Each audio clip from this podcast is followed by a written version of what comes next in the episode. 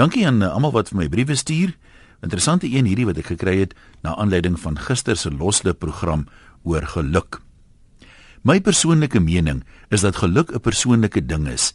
Iemand wat ongelukkig is, sal altyd die fout elders gaan soek as by hom of haarself. Ek het in my lewe baie mense van verskillende stande van die lewe ontmoet. Ek het van hulle geleer dat dit nie is wat jy het wat jou gelukkig maak nie. Ek het mense ontmoet wat deur siekte totaal afgetakel is en afhanklik van ander mense geword het. Die innerlike geluk het egter uit hulle uitgestraal. Ek het weer ander mense ontmoet wat in aardse besittings niks, maar niks gehad het nie en tog was hulle uitermate gelukkig. Ek dink nie die gemiddelde persoon besef regtig wat dit is om niks te hê nie.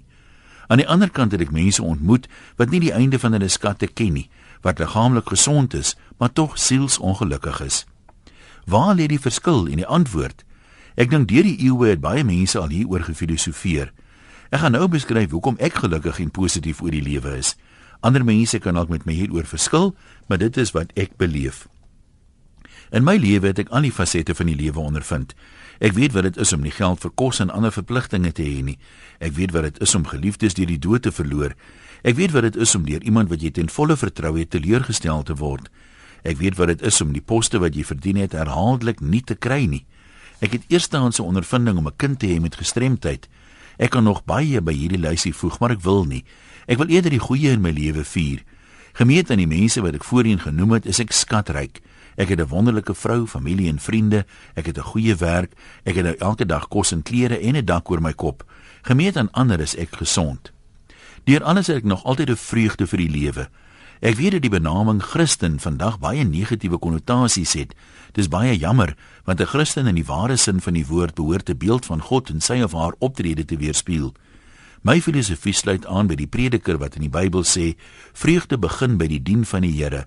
Elke dag het ek net 'n groot dankbaarheid in my lewe teenoor my Skepper vir alles wat ek uit sy hand ontvang. My grootste dankbaarheid lê in die feit dat ek glo dat Christus vir my sonde gesterf het en dat ek nou vrede het met God. En omdat ek vrede het met God, het ek ook vrede met my medemens. Hierdie vrede is soos Paulus in die Bybel sê, iets wat mens nie aan ander kan beskryf nie. Dit gaan alle verstand te bowe.